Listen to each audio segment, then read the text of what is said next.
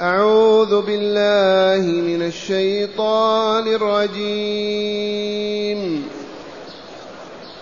ألم تر أن الله أنزل من السماء ماء فسلكه ينابيع في الأرض ثم يخرج به زرعا مختلفا ألوانه ثم يهيج فتراه مصفرا.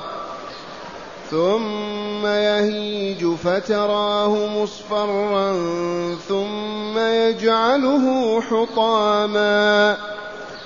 إن في ذلك لذكرى لأولي الألباب. أفمن شرح الله صدره للإسلام فهو على نور من ربه. فويل للقاسية قلوبهم من ذكر الله. أولئك في ضلال مبين. الله نزل أحسن الحديث كتابا متشابها مثانية تقشعر منه تقشعر منه جلود الذين يخشون ربهم ثم تلين جلودهم وقلوبهم إلى ذكر الله ذلك هدى الله يهدي به من يشاء ومن يضلل الله فما له من هاد معاشر المستمعين والمستمعات من المؤمنين والمؤمنات قول ربنا تعالى ألم تر أن الله أنزل من السماء ماء هذا الخطاب يتناول الكافرين بالله بوجود الله الكافرين بالبعث والحياة الثانية وما يتم فيها من جزاء. يتناول ضعفة الإيمان المصابين بالشك والارتياب اسمع هذا التوجيه. ألم تر أن الله أنزل من السماء ماء؟ ماء المطر. من ينزله؟ آباؤنا أم أمهاتنا؟ والماء من خلقه؟ من أوجده؟ أنزل من السماء ماء فسلكه ينابيع في الأرض. جنب ينبوع. جمع ينبوع ينابيع. الماء تحت الأرض. تحفر يخرج يخرج بدون عفر أحيانا. من فعل هذا الأصنام التي تعبد الأحجار عيسى بن مريم والدته من يفعل هذا؟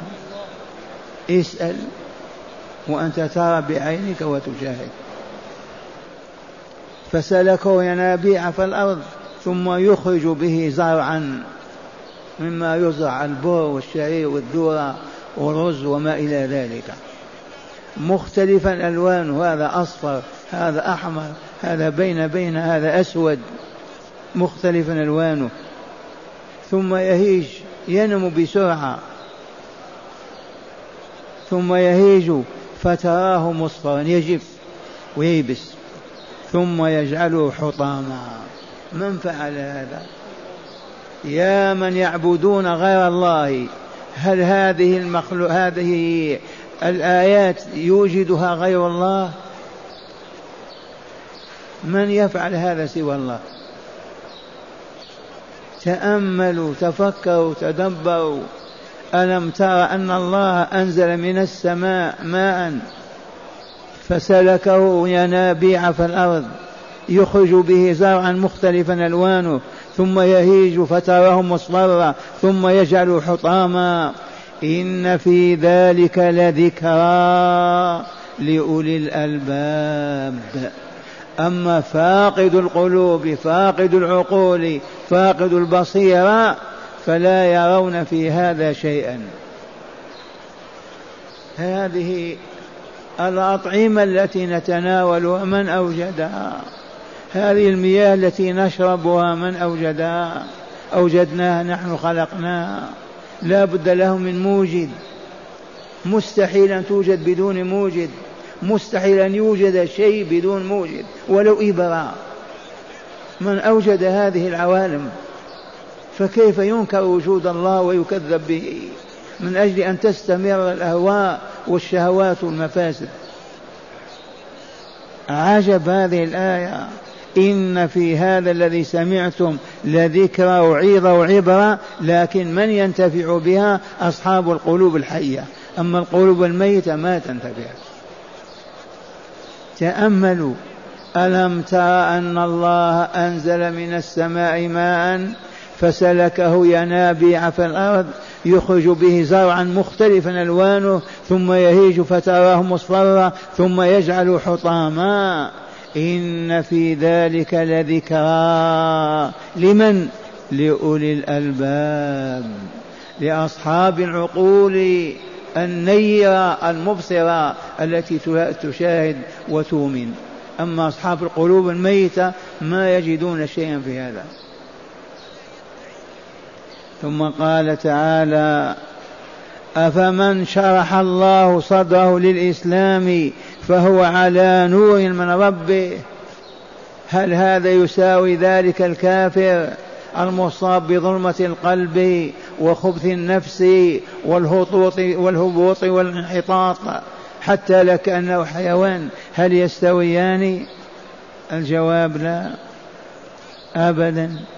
أفمن شرح الله صدره وسعه فاتسع للإيمان فقبل الإيمان وقبل الإسلام وأسلم لله قلبه ووجهه واستقام على عبادة الله يفعل الواجبات ويتخلى عن المنهيات. هذا يكون مثله ذاك الذي أبى أن يسمع كلمة الله. أبى أن يسمع آمنوا بالله ورسوله. أبى أن يسمع دعوة الإسلام أبدا. هل يستويان وصدره ضيق والعياذ بالله كأنه مخيط بالحديد. إذا فلنحمد الله نحن أصحاب الصدور المنشرحة الذين انشرح صدورهم للإيمان والإسلام. وملايين ما انشرحت ولا انفتحت ولا اتسعت أبدا. ما استطاعوا أن يؤمنوا بالله. ما قدروا أن يؤمنوا بالله ولقائه. كم ملايين في الأرض. هكذا يقول تعالى أفمن شرح الله صدره للإسلام فهو على نور من ربه. المسلم يمشي على نور وإلا لا؟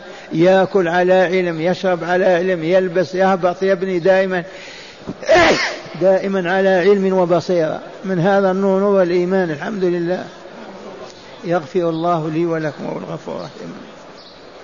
أفمن شرح الله صدره للإسلام فقبل الإيمان فهو على نور من ربه والنور القرآن.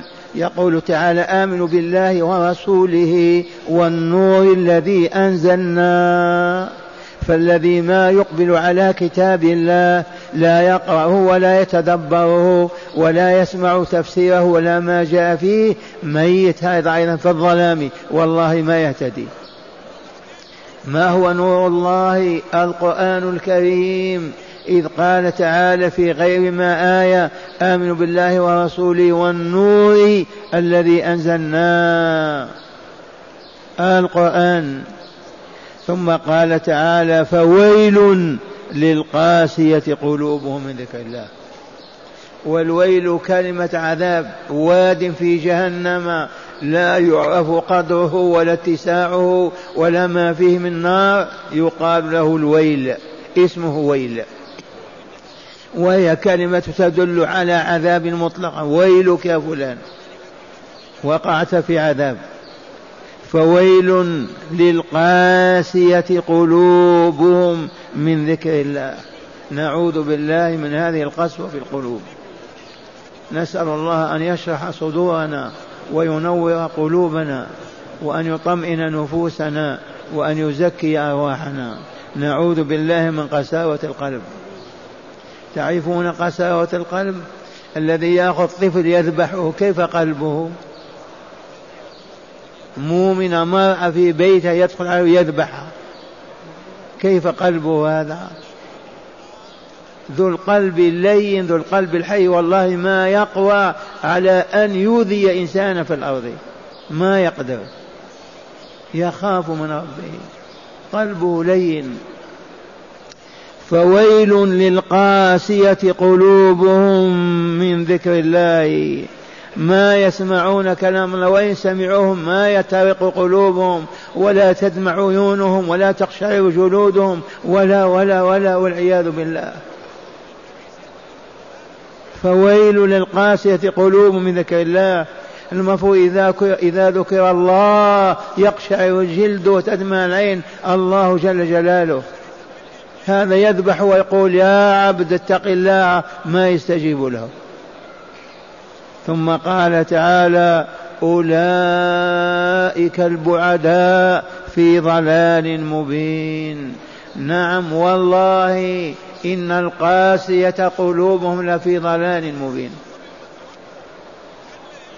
قساوة القلب سببها الشهوة والدنيا والفساد والباطل والمنكر.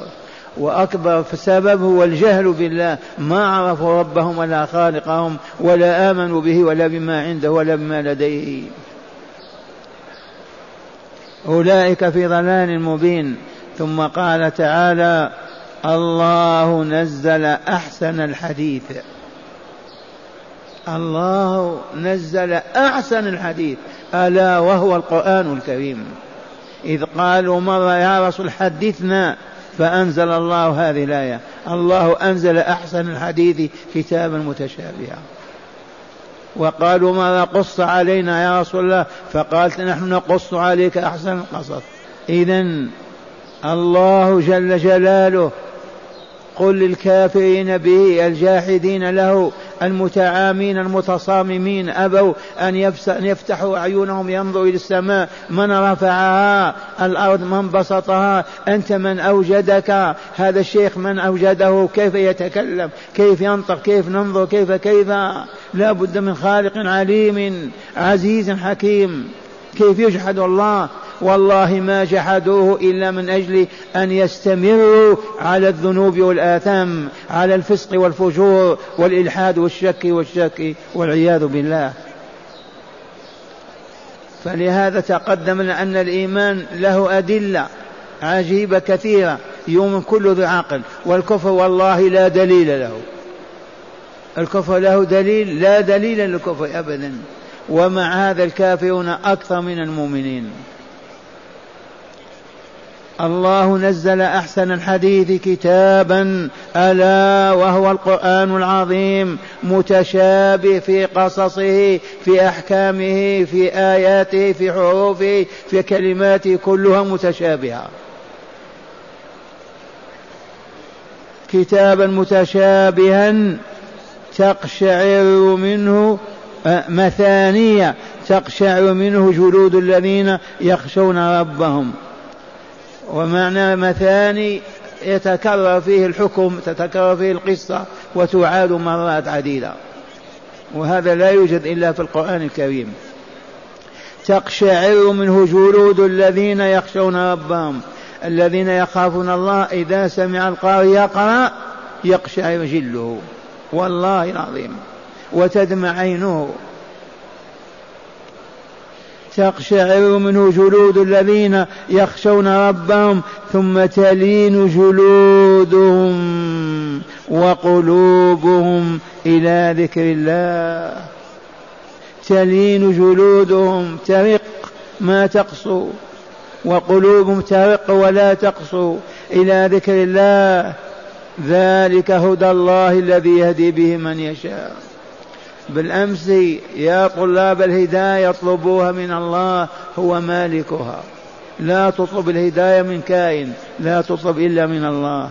إذ قال هدى الله يهدي به من يشاء من هم الذين يشاء الله هدايتهم؟ الذين بكوا بين يديه واطرحوا بين يديه ساجدين داعين باكين يطلبون الهداية طول حياتهم. هؤلاء الذين يشاء الله هدايتهم.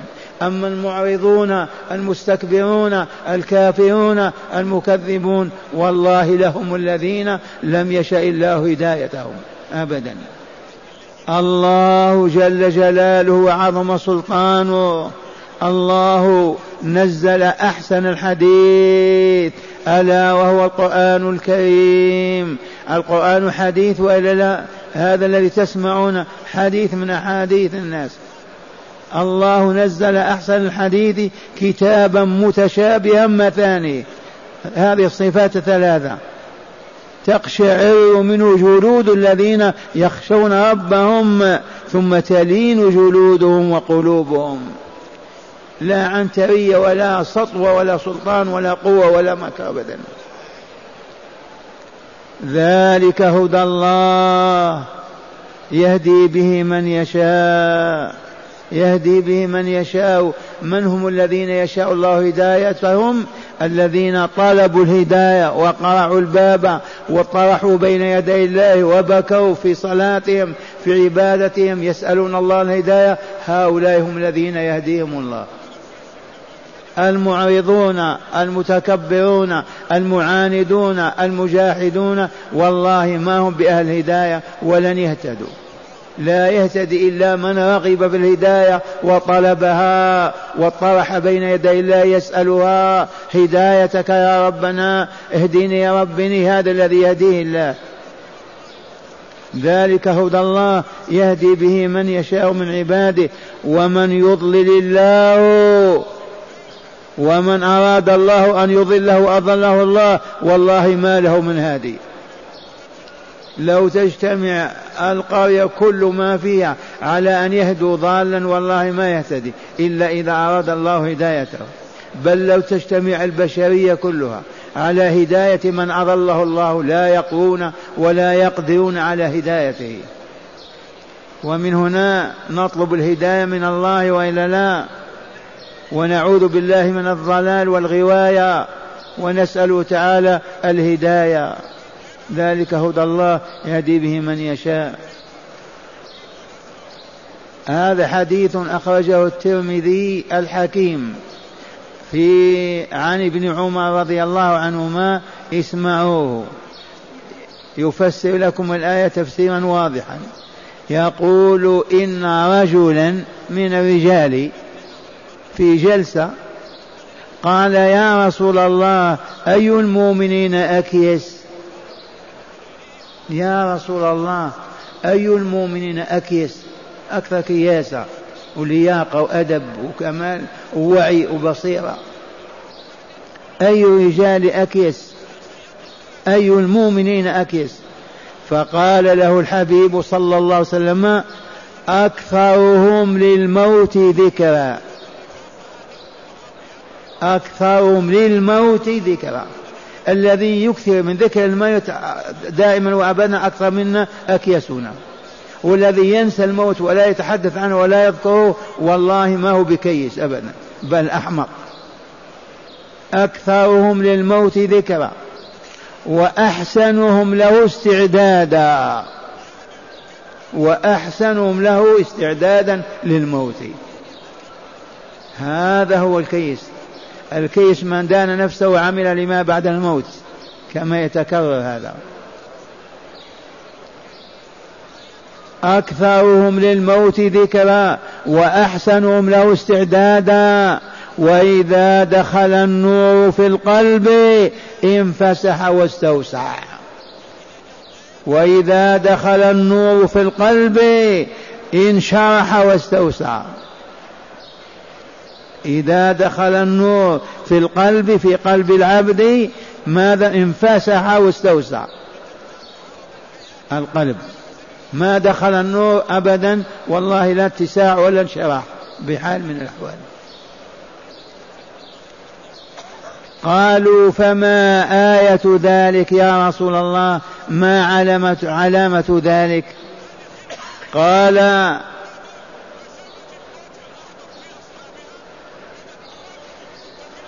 الإنابة إلى دار الخلود. الإنابة إلى دار الخلود علامة أن القلب مستنير. الإنابة إلى دار الخلود والتجافي والتباعد عن دار الغرور. ما هي دار الغرور هذه؟ التي نعيشها. والتجافي أي التباعد عن دار الغرور. والاستعداد للموت قبل نزول الموت. الاستعداد للموت قبل نزول الموت. هيا مرة ثانية. رسولنا يحدثنا. شاب قام وقال يا رسول الله أي المؤمنين أكيس؟ هذا يعلم. نحن نقول أينا أكيس أيضا؟ الجواب من رسول الله صلى الله عليه وسلم. فقال أكثرهم للموت ذكرا. الذي يذكر الموت دائما في مجالسه في مجلسه في حالته هذا الكيس. والذي ما يذكر الموت ولا يريد أن يسمع به. أحمق. أكثرهم للموت ذكرا وأحسنهم له استعدادا. من هم المستعدون للموت الذين يسارعون في الخيرات والصالحات ويتجنبون الباطل والشر والفساد؟ هؤلاء هم السارعون المسرعون أحسنهم. وإذا دخل النور في القلب ما الذي يحصل؟ انفتح واتسع واستوسع. انفتح انفسح واستوسع القلب. إذا دخل نور الإيمان في القلب.